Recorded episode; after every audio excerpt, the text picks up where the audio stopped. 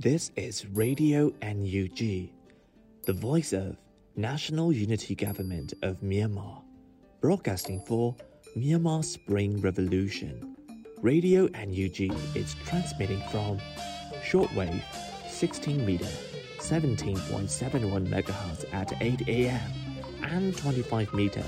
11.965 megahertz at 8 p.m. Myanmar Standard Time. မင်္ဂလာပါခင်ဗျာ အမျိုးသားညီညွတ်ရေးအစိုးရရဲ့အတန်လွင့်ဌာန Radio NUG ကိုမနက်၈နာရီမှလိုင်းတို16မီတာ7.3 MHz ညပိုင်း၈နာရီမှလိုင်းတို25မီတာ17.665 MHz တို့မှာဓာတ်ရိုက်ဖမ်းယူနားဆင်နိုင်ပါပြီမင်္ဂလာအပေါင်းနဲ့ပြည့်စုံကြပါစေအခုချိန်ကစပြီး Radio NUG အစီအစဉ်တွေကိုဓာတ်ရိုက်အတန်လွှင့်ပေးနေပါပြီ။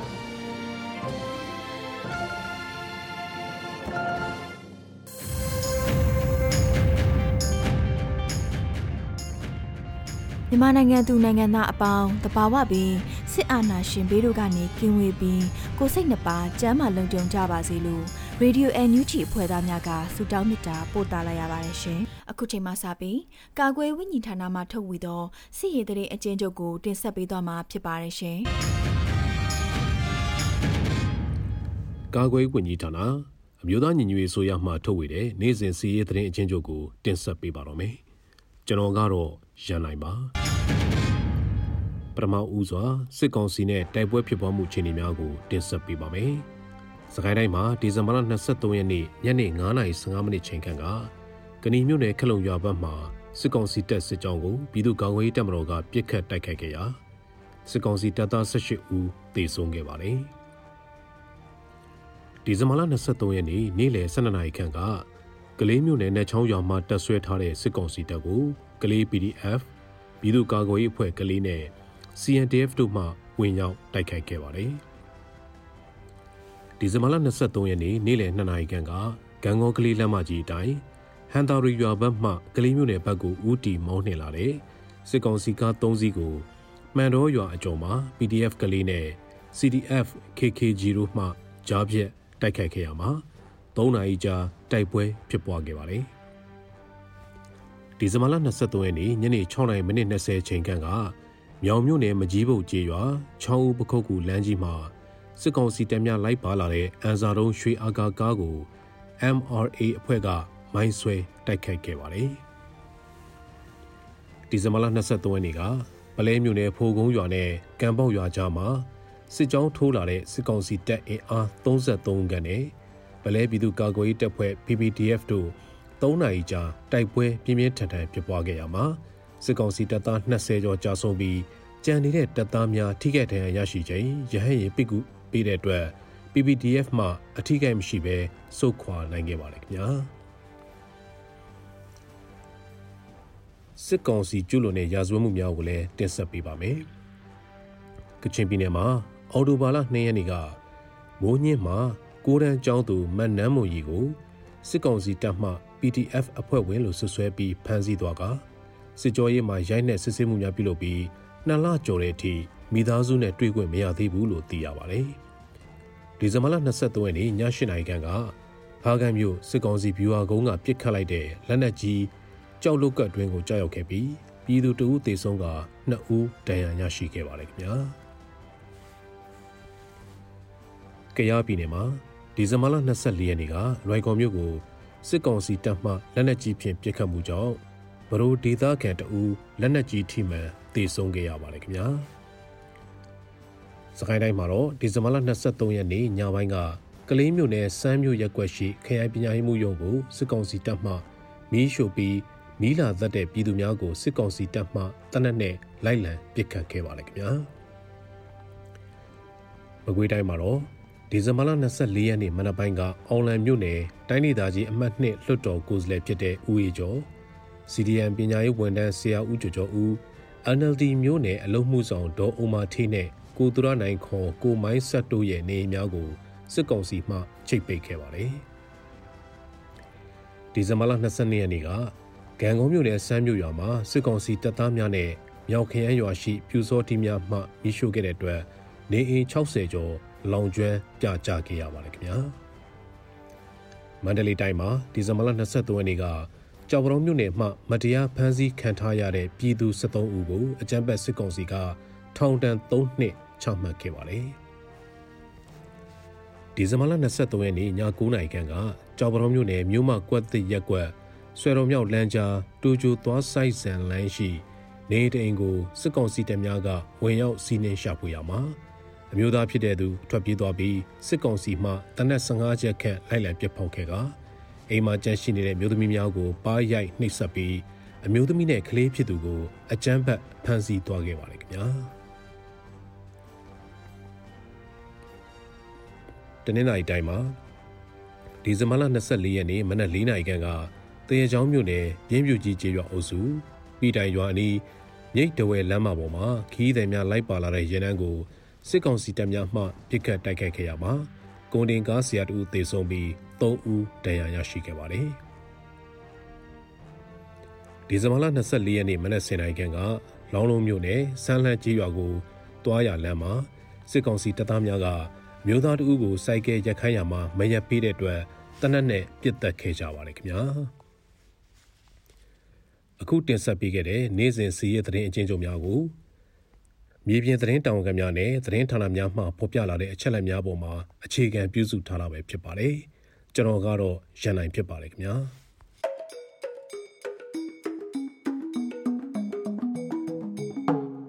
Radio NUG မှာဆက်လက်အတန်းလွှင့်နေပါတယ်။အခုဆက်လက်ပြီးပြည်တွင်းသတင်းများကိုຫນွေဦးမှမှတင်ဆက်ပေးမှာဖြစ်ပါတယ်ရှင်။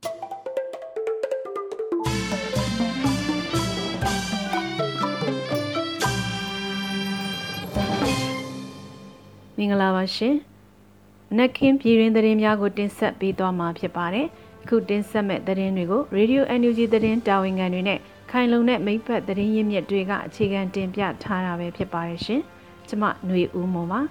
။လေးကေကိုဒေတာကိုအကြမ်းဖက်စစ်တပ်ကလေကြောင်းတိုက်ခိုက်မှုတွေထပ်မံပြုလုပ်ခဲ့ပါတယ်။ဒီဇင်ဘာလ24ရက်နနက်ပိုင်းထိစစ်ကောင်စီတပ်နဲ့ KNL ပူးပေါင်းတပ်ဖွဲ့တို့ကြားပြစ်ခတ်မှုများမဖြစ်ခဲ့ပေမဲ့ညနေ3:50မိနစ်ခန့်မှာတော့ တိုက်လေရင်၃စီးဟာ၄ကီကောဒေတာရသေးကူဘက်ကိုလာရောက်ဘုံကျဲတိုက်ခိုက်ခဲ့ကြပါတယ်။တစ်ဆက်တည်းမှာပဲတိုက်လေရင်များပေါ်ကလက်နက်ကြီးများလည်းတောက်လျှောက်ပစ်ခတ်ခဲ့ကြပါသေးတယ်။တိုက်ပွဲချင်းတွေကတော့ဒီထက်ဆိုးလာနိုင်တယ်လို့သုံးသပ်ရကြောင်းနဲ့စစ်ကောင်စီဘက်ကလေကြောင်းပစ်ကူလာပြင်လဲကျွန်တော်တို့ဘက်ကလည်းအစင်သင်ပဲရှိနေတယ်။ဂယုဆိုင်မှာမဟုတ်ဘူးဆိုတဲ့အကြောင်းအပြင်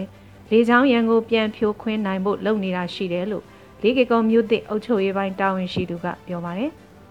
ဒီဇင်ဘာလ23ရက်နေ့ည10:00နာရီခွဲဝန်းကျင်အချိန်ကလည်းအာနာသိန်းစစ်ကောင်စီရဲ့တိုက်လေရင်များကဘုံနှလုံးကျဲချတိုက်ခိုက်ခဲ့ပြီးခုဆိုရင်ဒုတိယအကြိမ်ရက်ဆက်လာရောက်တိုက်ခိုက်နေခြင်းဖြစ်ပါတယ်။လေကြောင်းတိုက်ခိုက်ခံရမှုကြောင့်ဒေသခံပြည်သူများဟာတောင်ရင်မြစ်ကိုဖျက်ကျော်ပြီးထိုင်းနိုင်ငံဘက်ချမ်းခိုလုံခဲ့ရတာရှိပေမဲ့ KNL ပူးပေါင်းတပ်ဖွဲ့များဘက်ကတော့ထိခိုက်ကြဆုံးမှုမရှိဘူးလို့ KNU ကဆိုပါတယ်။လေကြောင်းကလာတယ်လာပြီးတော့၄၅ဘက်လောက်ပတ်သွားပြီးတော့နောက်ဆုံးမှကျဲသွားတာပေါ့ နှလုံးကျသွားတယ်ကျွန်တော်တို့ဘက်ကအထီးကိုက်မရှိပါဘူးအဓိကတော့တောင်ကုန်းတွေကိုကျဲချသွားတာပေါ့လို့လေးကေကောမျိုးတဲ့တာဝန်ရှိသူကပြောပါတယ်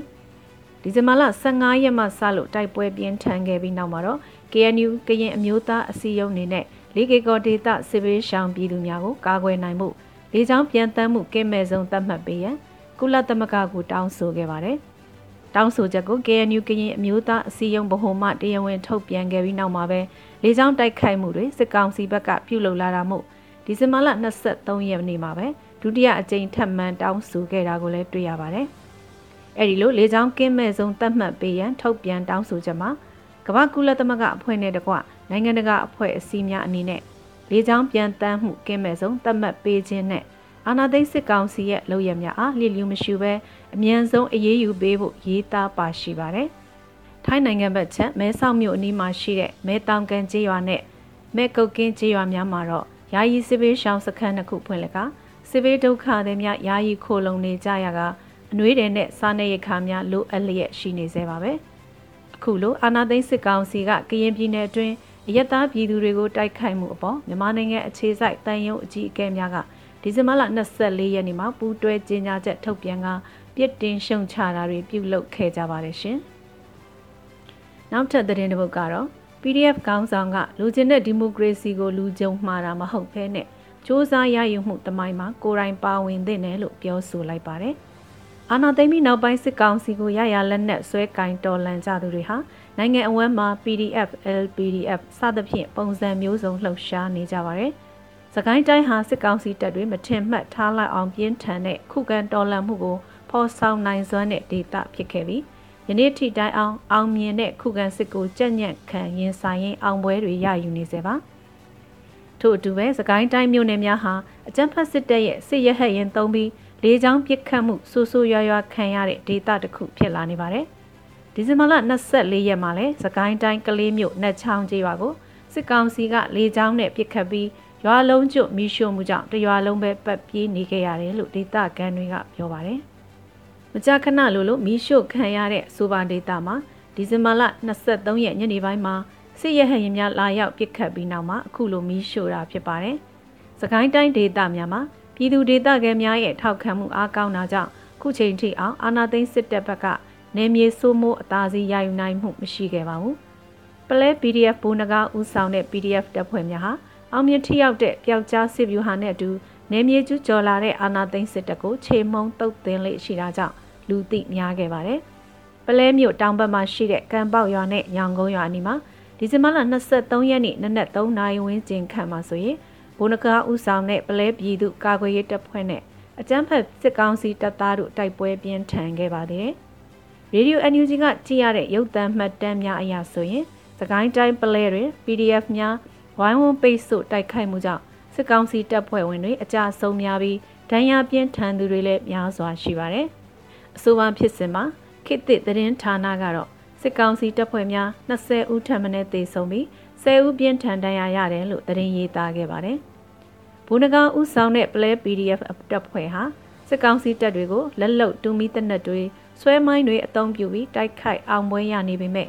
အဓိကကတော့ပြည်သူအလုံးရဲ့ပူးပေါင်းပါဝင်မှုကြောင့်ဖြစ်တယ်လို့ဆိုပါတယ်။ဘူနဂါဦးဆောင်တဲ့ Play ပြည်သူကာကွယ်ရေးတပ်ဖွဲ့များအပြန်လန်းတလျှောက်မှာပြည်သူတွေဝမ်းသာအားရကြိုးစိုးနေတဲ့ရုပ်သံမှတ်တမ်းများဟာလူမှုကွန်ရက်ပေါ်မှာထင်ထင်ရှားရှားမြင်ရလိမ့်ရှိပါတယ်။အခုလုံးအောင်မွေးရလိမ့်ရှိတဲ့အပေါ်မှာ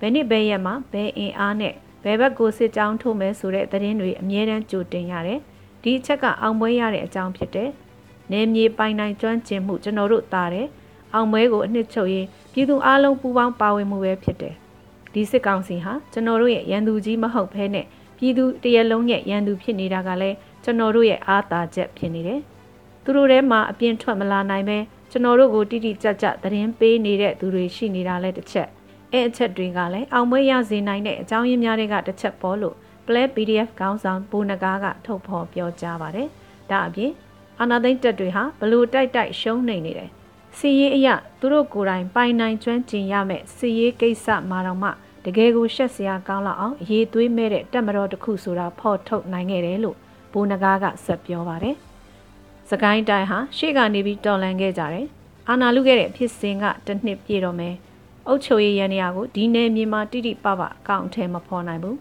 စစ်အုပ်ချုပ်မှုကိုစကိုင်းတိုင်းကတားဆီးပေးနိုင်ခဲ့တယ်လို့စကိုင်းတိုင်းရဲ့တော်လန်ရေးကိုလည်းခြုံငုံသုံးသပ်ပြပါတယ် မြို့သားညညရေးအစိုးရရဲ့ထောက်ပံ့မှုတွေနဲ့ပတ်သက်လို့ဘိုးနဂါပြောတာကအစပိုင်းတော့တိတ်အဆင်မပြေဘူးငကူကနည်းနည်းအားနည်းချက်ရှိပေမဲ့ခုတော့ NUG ကော MOD ကောအာနာသိန်းအုပ်စုကိုအပြီးတိုင်ဖဲထုတ်ဖို့မဟာဗျူဟာကြတဲ့အစီအမံကိန်းတွေကို PDF နဲ့ကော EAO တွေနဲ့ကောအားလုံးချိတ်ဆက်စနစ်တကျစီမံနေတယ်လို့ပြည်သူတွေအတွက်အားတက်အောင်သူကပြောပြသွားပါတယ်။စစ်တပ်ဟာအုပ်ချုပ်ရေးနိုင်ငံရေးမှာအနိုင်ကျင့်ပိုကြနေမှုကို ပြည်သူတရလုံးမလိုလားဘူးဆိုတာလဲသိနေလောက်ပြီးဖြစ်တာမို့လက်လျှော့သင့်နေပါပြီ။ဒီလိုမဟုတ်ပဲအဆုံးစွန်ရုပ်မနေအောင်မယ်ဆိုရင်ပြည်သူတရလုံးအုံကြွပါဝင်လာတော့မဲ့တိုက်ပွဲတွေကြရင်ရုပ်ပြက်ဆင်းပြက်ရှုံနေတာကြုံရနိုင်ကြောင်းပြည်သူတွေအနေနဲ့ကလည်းကိုလိုချင်တဲ့ဒီမိုကရေစီကိုဘယ်ကိုမှအားကိုပြီးတောင်းနေလို့မရဘူးကျွန်တော်တို့ကိုယ်တိုင်ယူမှရတယ်ဆိုတာအသိစိတ်လေးမွေးစေခြင်းနဲ့ရှေ့ကနေလဲဒီခရီးကိုဥဆောင်သွားနေတဲ့သူလည်းရှိနေပြီအားလုံးကဒီမိုကရေစီကို လူကြုံမှားတာမဟုတ်ပဲဒီသမိုင်းမှာကိုယ်တိုင်ပါဝင်စူးစမ်းကြစေခြင်းနဲ့ကိုအကျိုးထိခိုက်နစ်နာသွားမလားဆိုတဲ့ရေးသားကိုစိတ်များနေရင်တော်လေရင်ခရီးကျသွားနိုင်တယ်လို့ဖွံ့မျိုးတိုးတက်မဲ့တိုင်းပြည်ရဲ့အနာဂတ်တွေနှောင့်နှေးသွားမှာဖြစ်ကြောင်းအကြံပေးပြောကြားသွားပါတယ်ရှင်။ဆက်လက်ပြီးကရင်ပြည်နယ်တွင်းအယက်သားပြည်သူများကိုတိုက်ခိုက်ခံရမှုနဲ့ဆက်လင်းပြီးပူးတွဲထုတ်ပြန်ချက်တရက်ကိုရန်ကုန်အခြေစိုက်အမေရိကန်တန်ယုံကထုတ်ပြန်လိုက်ပါတယ်။ ၄ကီကိုဒေတာမှာစစ်ကောင်စီကဝင်ရောက်ကျူးကျော်တိုက်ခိုက်နေတာ၁၀ရက်တာကြာမြင့်ခဲ့ပြီပဲဖြစ်ပါတယ်။၄ကီကိုဒေတာပေါ်စစ်ကောင်စီရဲ့မြေပြင်သားမကလေကြောင်းတိုက်ခိုက်မှုများကြောင့်ထောင်နဲ့ချီတဲ့ပြည်သူတွေအိုးအိမ်စွန့်ခွာထွက်ပြေးနေကြရပြီးအခုခါ၎င်းတို့အတွက်လူသားချင်းစာနာထောက်ထားမှုအကူအညီများအရေးပေါ်လိုအပ်နေပြီဖြစ်တဲ့ကြောင့်အမေရိကန်တန်ယုံကထဲသွင်းရေးသားပြီးမိဖက်နိုင်ငံများနဲ့ပူးတွဲကြေညာချက်တရက်ကိုအောက်ပါအတိုင်းထုတ်ပြန်လိုက်ပါတယ်။ အမေရိကန်နဲ့မိတ်ဖက်နိုင်ငံများရဲ့အောက်ပါပူးတွဲကြော်ညာချက်ထွက်လာစမှာပဲစစ်ကောင်စီတပ်တွေဟာလေကြောင်းတိုက်ခိုက်မှုတရက်ကိုထပ်မံကျူးလွန်ခဲ့ကြပါသေးတယ်။ဒီဇင်ဘာလ24ရက်နေ့ရက်စွဲပါထုတ်ပြန်ချက်မှာဆီယနာရှင်ဤနိုင်ငံတော်ဝန်ကျူးလွန်ထားသောပြင်းထန်ဆိုးရွားသည့်လူအခွင့်အရေးချိုးဖောက်မှုများကိုမိမိတို့ရှုတ်ချကြောင်းထပ်မံသိပေးပြောကြားလိုသည်။အကြသေးမီကကင်းပြည်နယ်အတွင်းရှိကျေးရွာများကိုလက်နက်ကြီးများဖြင့်ပစ်ခတ်ခြင်းအပါအဝင် အယက်သားပြည်သူများပေါ်တိုက်ခိုက်မှုများသည်နိုင်ငံတကာလူသားချင်းစာနာထောက်ထားမှုဆိုင်ရာဥပဒေကိုချိုးဖောက်နေခြင်းဖြစ်ပြီးရင်းလောက်ရက်ကိုရပ်တန့်ရမည်ဖြစ်သည်အဆိုပါတိုက်ခိုက်မှုများကြောင့်ထောင်နဲ့ချီသောပြည်သူများအိုးအိမ်စွန့်ခွာထွက်ပြေးနေကြရပြီးယခုအခါ၎င်းတို့အတွက်လူသားချင်းစာနာထောက်ထားမှုအကူအညီများရေးပေါ်လိုအပ်လျက်ရှိသည်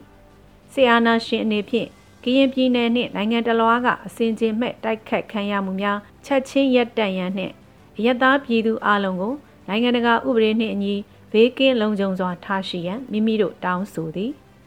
ကုလသမဂ္ဂလုံခြုံရေးကောင်စီ၏နိုဝင်ဘာလ10ရက်နေ့သတင်းထုတ်ပြန်ချက်အရအကူအညီလိုအပ်နေသည့်ပြည်သူအလုံးလူသားချင်းစာနာထောက်ထားမှုအထောက်အပံ့အပြည့်စုံကိုဘေးကင်းလုံခြုံပြီးအတားအဆီးအဟန့်အတားမရှိဘဲလက်လန်းမီရရှိစေရင်းနှင့်လူသားချင်းစာနာထောက်ထားမှုနှင့်ဆေးဘက်ဆိုင်ရာဝန်ထမ်းများကိုအပြည့်အဝကာကွယ်စောင့်ရှောက်ပေးပြီး ဘေးကင်းလုံခြုံမှုရှိစေရအတွက်လည်းမိမိတို့ကထပ်တူတောင်းဆိုလိုက်သည်ဤကြေညာချက်ကိုဩစတြေးလျကနေဒါမြန်မာနိုင်ငံဆိုင်ရာဥရောပသမဂ္ဂယုံနှင့်ဥရောပသမဂ္ဂအဖွဲ့ဝင်နိုင်ငံများ၏တန်ယုံများဖြစ်ကြသောချက်သမရနိုင်ငံဒိန်းမတ်ဖင်လန်ပြင်သစ်ဂျာမနီအီတလီနယ်သာလန်စပိန်နှင့်ဆွီဒင်နိုင်ငံတို့အပြင်နယူးဇီလန်နော်ဝေဆွစ်ဇာလန် UK နှင့်အမေရိကန်နိုင်ငံတို့မှ မြန်မာနိုင်ငံဆိုင်ရာတပ်အမတ်ကြီးများတန်ယုံယာယီတာဝန်ခံများနှင့်တန်ယုံအကြီးအကဲများကပူးပေါင်းလက်မှတ်ရေးထိုးထုတ်ပြန်ပါသည်ဟုဖော်ပြပါရှိပါတယ်ရှင်။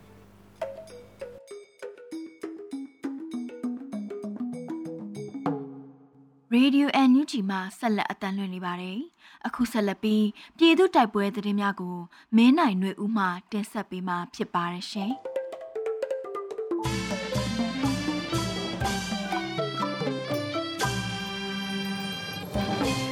ထမအဦးဆုံးအနေနဲ့ပလဲတွင် PDF များရဲ့ဝိုင်းဝန်းပိတ်ဆို့တိုက်ခိုက်မှုကြောင့်စစ်ကောင်စီတပ်ဖွဲ့ဝင်23ဦးသေဆုံးတဲ့သတင်းတင်ဆက်မှာပါ။စကိုင်းတိုင်းပလဲမြို့နယ်အတွင်းရှိအကြမ်းဖက်စစ်ကောင်စီတပ်များနဲ့ပလဲပြည်သူ့ကာကွယ်ရေးတပ်ဖွဲ့ဝင်များဒီဇင်ဘာလ23ရက်နေ့တိုက်ပွဲဖြစ်ပွားရာစစ်ကောင်စီတပ်ဖွဲ့ဝင်23ဦးသေဆုံးကြောင်းသိရှိရပါတယ်။ပလဲမြို့တောင်ဘက်ရှိကံမောက်ရွာနဲ့ညောင်ကုန်းရွာအနီးတွင်ယမန်နေ့ဒီဇင်ဘာလ23ရက်နေ့နနက်3နာရီဝန်းကျင်ခန့်ကဘုန်းနဂဥဆောင်တဲ့ပလဲပြည်သူ့ကာကွယ်ရေးတပ်ဖွဲ့နဲ့ အကြမ်းဖက်စစ်ကောင်စီတပ်တို့တိုက်ပွဲဖြစ်ပွားရာစစ်ကောင်စီတပ်သား20ကျော်တဲ့မနစ်သေဆုံးပြီး10ဦးပြစ်ဒဏ်တန်ရရှိခဲ့တယ်လို့သိရှိရပါတယ်။တိုက်ပွဲပြစ်ဒဏ်စွာဖြစ်ပွားပြီးစစ်ကောင်စီတပ်သားများထိခိုက်သေဆုံးမှုများခဲ့တဲ့ဖြင့်အကြမ်းဖက်စစ်တပ်မှတိုက်ခိုက်ရေးရရင်များဖြင့်ပစ်ခတ်ခဲ့တော်လဲပလဲပြည်သူ့ကာကွယ်ရေးတပ်ဖွဲ့ဝင်များထိခိုက်မှုမရှိဘဲအောင်မြင်စွာဆုတ်ခွာနိုင်ခဲ့ပြီးထောင်နဲ့ချီသောပြည်သူများက PDF တပ်ဖွဲ့ဝင်များကိုတောင်းတောင်းပြပြအောင်တပြေပန်းများနှင့်ကြိုးဆိုခဲ့ကြကြောင်းသိရှိရပါတယ်။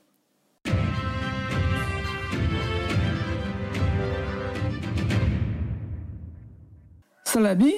မုံညစ်ခရိုင်ခမရ383နဲ့384တရင်ကို KIA နဲ့ PDF ပူးပေါင်းတပ်ဖွဲ့ကဝင်ရောက်သိမ်းပိုက်ရှင်းလင်းခဲ့တဲ့သတင်းတင်ဆက်မှာပါ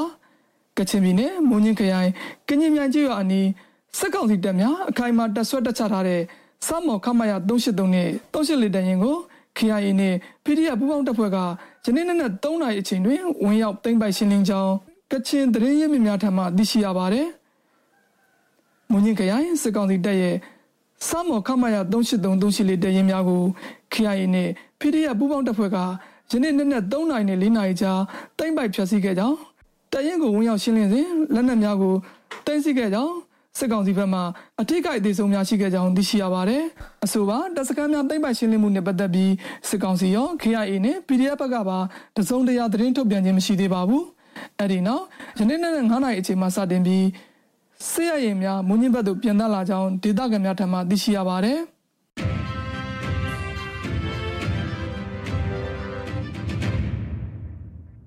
ောက်ဆုံးအနေနဲ့အမျိုးသားညီညွတ်ရေးအစိုးရပြည်ထရေးနှင့်လူဝင်မှုကြီးကြပ်ရေးဝန်ကြီးဌာနကဒီဇင်ဘာလ24ရက်ရက်စွဲဖြင့်ထုတ်ပြန်တဲ့ပြည်သူ့ခုခံဒေါ်လာစစ်သတင်းအချက်အလက်တွေကိုတင်ဆက်ပေးသွားမှာပါအကြံပေးစေအုပ်စု၏ ပြည်သူလူထုအပေါ်အကြမ်းဖက်ပြီးနေဖမ်းဆီးတိုက်ခိုက်တပ်ဖြတ်နေမှုများကိုပြည်သူလူထုတရလုံးကအသက်ရှင်တန်ရေးအတွက်မိကိုယ်ကိုမိမိခုခံကာကွယ်ပိုင်ခွင့်အရာပြည်သူ့ခုခံစဉ် People Defense War ကိုဆင်နွှဲလျက်ရှိပါတယ်။တရင်အချက်လက်များအရ23ရက်12လ2021ရက်နေ့တွင်စစ်ကောင်စီတပ်ဖွဲ့ဝင်62ဦးသေဆုံးပြီး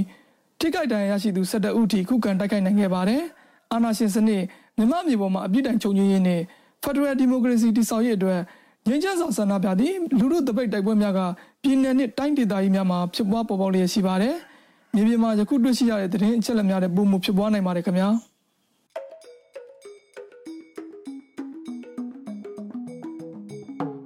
Radio NUG မှာဆက်လက်အသံလွှင့်နေပါတယ်။အခုဆက်လက်ပြီးနေ့စဉ်သတင်းများကိုမျိုးတော်တာမှတင်ဆက်ပေးမှာဖြစ်ပါတယ်ရှင်။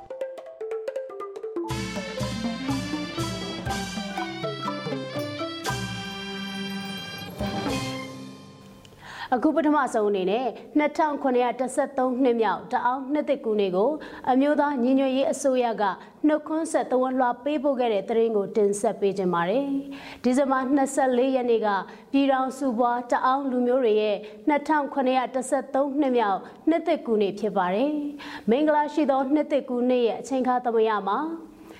မြန်မာနိုင်ငံတဝမ်းနဲ့ကမ္ဘာနိုင်ငံတွေမှာရောက်ရှိနေတဲ့တအောင်အမျိုးသမီးအမျိုးသားတွေအကုန်လုံးကိုစိတ်နှပြကျမ်းမာချမ်းသာကြပါစေလို့ NUG ကမြစ်တာပို့သားလျက်နှုတ်ခွန်းဆက်တာပါတယ်။အခုလိုတအောင်နှစ်သက်ကူနေရမှာတအောင်လူမျိုးများအပါအဝင်မြန်မာနိုင်ငံသူနိုင်ငံသားတွေလက်လွတ်ပြောက်ဆုံးခဲ့ရတဲ့လုံခြုံငြိမ်းချမ်းမှု Federal Democracy နဲ့လူ့အခွင့်အရေးဆိုင်ရာမျှော်မှန်းချက်တွေထွန်းရှင်သန်လာနိုင်ပါစေလို့အမျိုးသားညီညွတ်ရေးအစိုးရကဆုတောင်းပေးထားတာကိုတွေ့ရပါတယ်။ စစ်အာဏာရှင်ချုပ်ငြိမ်းရေးပြည်သူ့လွတ်မြောက်ရေးအတွက်ခုခံတွန်းလှန်ဆင်နွှဲနေတဲ့တအောင်းသေးတာအပါဝင် နိုင်ငံတော်ဝန်ကပြည်သူအကုန်လုံးတခဲနဲ့အောင်မြင်မှုတွေရရှိပါစေလို့စုမွန်ကောင်းတောင်းရင်ဂုံပြုနှုတ်ခွန်းဆက်သဝန်လွှာပေးဖို့ခဲ့တယ်လို့အမျိုးသားညီညွတ်ရေးအစိုးရကဖော်ပြထားပါတယ်။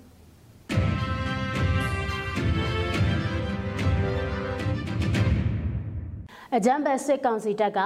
လေရင်တွေလက်နက်တွေနဲ့တိုက်ခိုက်လို့ထွက်ပြေးလာရတဲ့ဒုက္ခသည်တွေကိုထိုင်းနိုင်ငံဘက်ကဝန်ခွင့်ပြုခဲ့တဲ့သတင်းကိုတင်ဆက်ပေးကြပါမယ်။အကြမ်းဖက်စစ်ကောင်စီတပ်ကဒီဇင်ဘာလ23ရက်ည10:00နာရီဝန်းကျင်ခန့်ကစတင်က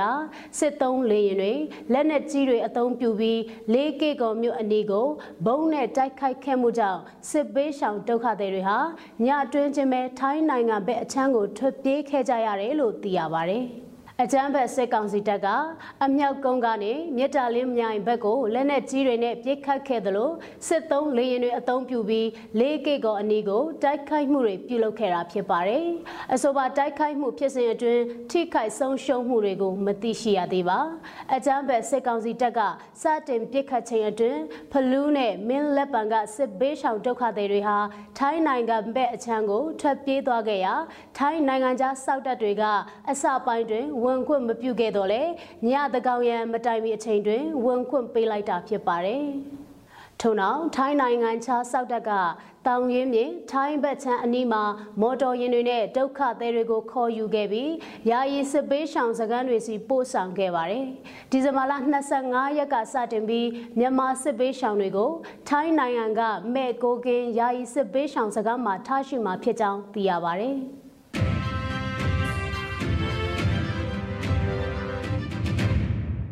ကျင်းတွေမှိုင်းတွေခွာချလူသားစာမှုချစ်ချင်းမေတ္တာနဲ့ကိုချင်းစာတရားကိုခံစားကြလို့ဒေါက်တာဝင်းမြတ်အေးပြောကြားလိုက်တဲ့သတင်းကိုဆက်လက်တင်ဆက်ပေးကြပါမယ်။ အာနာသိန်းစစ်ကောင်စီရဲ့လုပ်ရက်တွေကလက်နက်ကင်ပြိပခကာလအတွင်းမှာဘယ်အခြေအနေရောက်ရောက်နှစ်ပတ်တပ်ဖွဲ့တွေမဖြစ်မနေလိုက်နာရမှာဖြစ်တဲ့အပြည့်ပြဆိုင်ရာလူသားချင်းစာနာမှုဥပဒေကိုကျူးလွန်ဖောက်ဖျက်ခဲ့တယ်လို့အမျိုးသားညီညွတ်ရေးအစိုးရလူသားချင်းစာနာထောက်ထားရေးနဲ့ဘေးအန္တရာယ်ဆိုင်ရာစီမံခန့်ခွဲရေးဝန်ကြီးဌာနပြည်ထောင်စုဝန်ကြီးဒေါက်တာဝင်းမြတ်အေးကပြောပါတယ်။ အမျိုးသားညီညွတ်ရေးအစိုးရလူသားချင်းစာနာထောက်ထားရေးနဲ့ဘေးအန္တရာယ်ဆိုင်ရာစီမံခန့်ခွဲရေးဝန်ကြီးဌာနအနေနဲ့စစ်ဘေးရှောင်ပြည်သူတွေအတွက်လိုအပ်တဲ့အခြေခံလိုအပ်ချက်တွေကိုလူမှုအခြေပြုအဖွဲ့တွေနဲ့ပူးပေါင်းပြီးအစွမ်းကုန်ကူညီပေးနေတာလည်းဖြစ်ပါတယ်။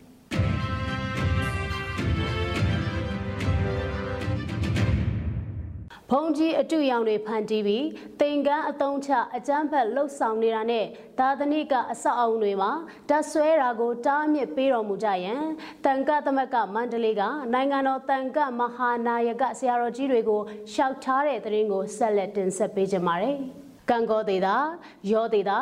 အရာတော်မြို့နယ်ပြည်သူ့ကာကွယ်ရေးတပ်ဖွဲ့ပြည်သူ့တော်လှန်ရေးအင်အားစုတွေရဲ့တရင်ထုတ်ပြန်ချက်များအရအကြမ်းဖက်စစ်ကောင်စီတွေဟာဘုံကြီးအတွေ့အယောင်တွေဖန်တီးပြီးတင်ကန်းဝတ်တွေနဲ့အကြမ်းဖက်မှုတွေလှုပ်ဆောင်နေတာကြားသိရတယ်လို့တန်ကသမက်ကမန္တလေးကမိန့်ပါတယ်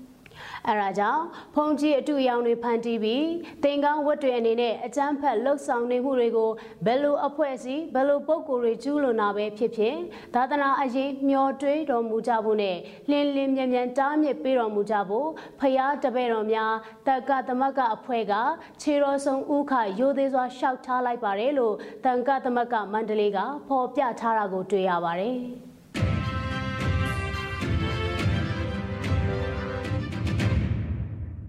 ချက်သမရနိုင်ငံဒိန်းမတ်ဖင်လန်ပြင်သစ်ဂျာမနီအီတလီနယ်သာလန်စပိန်နဲ့ဆွီဒင်နိုင်ငံတို့အပြင်နယူးဇီလန်နော်ဝေးဆွစ်ဇာလန်ယူကေနဲ့အမေရိကန်နိုင်ငံတို့ကမြန်မာနိုင်ငံဆိုင်ရာတန်အမတ်ကြီးတွေတန်ယုံယာယီတာဝန်ခံတွေနဲ့တန်ယုံအကြီးအကဲတွေကပူးပေါင်းပြီးဂရင်ပြည်နယ်အတွင်းတိုက်ခိုက်မှုတွေနဲ့ပတ်သက်တဲ့ကြေညာချက်တရထုတ်ပြန်ခဲ့တဲ့သတင်းကိုဆက်လက်တင်ဆက်ပေးကြပါမယ်။ ကရင်ပြည်နယ်အတွင်းအယက်သားပြည်သူတွေတိုက်ခိုက်ခံရမှုနဲ့ပတ်သက်ပြီးပူးတွဲထုတ်ပြန်ချက်တရက်ကိုမြန်မာနိုင်ငံဆိုင်ရာတန်ယုံတာဝန်ခံတွေတန်ယုံအကြီးအကဲတွေကထုတ်ပြန်ခဲ့ကြပါတယ်စစ်အာဏာရှင်ရဲ့နိုင်ငံတော်ဝန်ကျူးလွန်ထားတဲ့ပြင်းထန်ဆိုးရွားသောလူအခွင့်အရေးချိုးဖောက်မှုတွေကိုမိမိတို့ရှုံချကြောင်းထပ်မံအသိပေးပြောကြားထားပါတယ်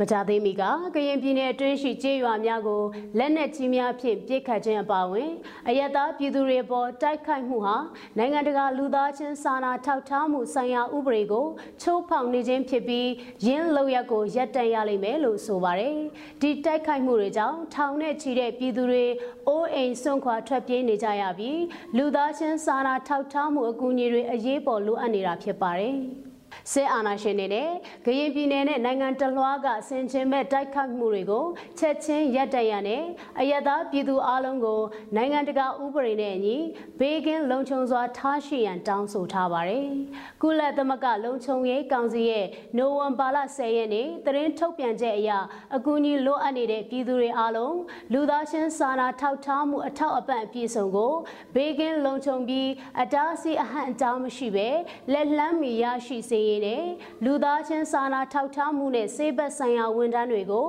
အပြည့်အဝကာကွယ်စောင့်ရှောက်ပေးပြီးဘေးကင်းလုံခြုံမှုရှိစေရေးအတွက်လည်းထပ်တူတောင်းဆိုထားပါတယ်။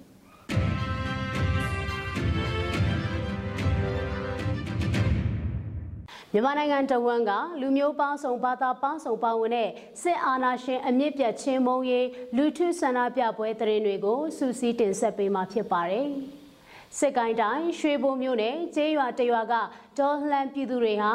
ဖက်ဒရယ်ပြည်ထောင်စုပေါ်ပေါက်ရေးမတရားမှုမှန်သမျှစန့်ကျင်ရေးနဲ့စစ်အာဏာရှင်ချေမှုန်းရေးကြွေးကြော်ချီတက်ဆန္ဒပြခဲ့ကြပါတယ်။စစ်ကိုင်းတိုင်းရင်းမာပင်မြို့နယ်အရှိချမ်းနဲ့စလင်းကြီးမြို့နယ်မြောက်ချမ်းရွာပေါင်းစုံတပိတ်